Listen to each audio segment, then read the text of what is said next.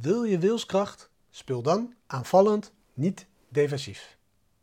Boek Willpower van Roy Bouwmeister John Turney. De meeste van ons vragen zich af hoe we op die momenten van verleiding meer wilskracht kunnen hebben. Maar Roy Bouwmeister, 's werelds meest vooraanstaande expert op het gebied van wilskracht en een van de meest geciteerde sociaal psycholoog ter wereld, vertelt ons dat de mensen die hun wilskracht het verstandigste gebruiken, het niet echt gebruiken om met veel verleidingen om te gaan.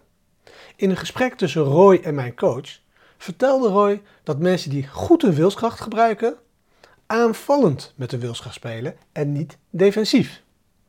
Maar wat betekent dat nou? Laten we als voorbeeld nemen dat je geen suikerkoekjes meer wilt eten. Ten eerste, goede beslissing. De manier om aanvallend aan het doel te werken is om nooit die verleidelijke koekjes meer te kopen. Je wilt, zoals Tom Red het zegt, je wilskracht kopen in de winkel, zodat je thuis niet hoeft te gebruiken.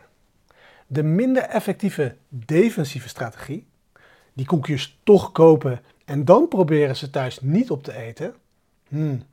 Raad eens, wanneer eet je die rotzooi het meeste?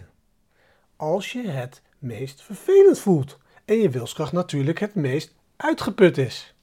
En dus, speel aanvallend, niet defensief. De microles van vandaag is wederom een vraag. Denk na over enkele manieren waarop je in de verleiding komt om suboptimale dingen in jouw leven te doen. Kijk er dan eens goed naar. Zoom extra in.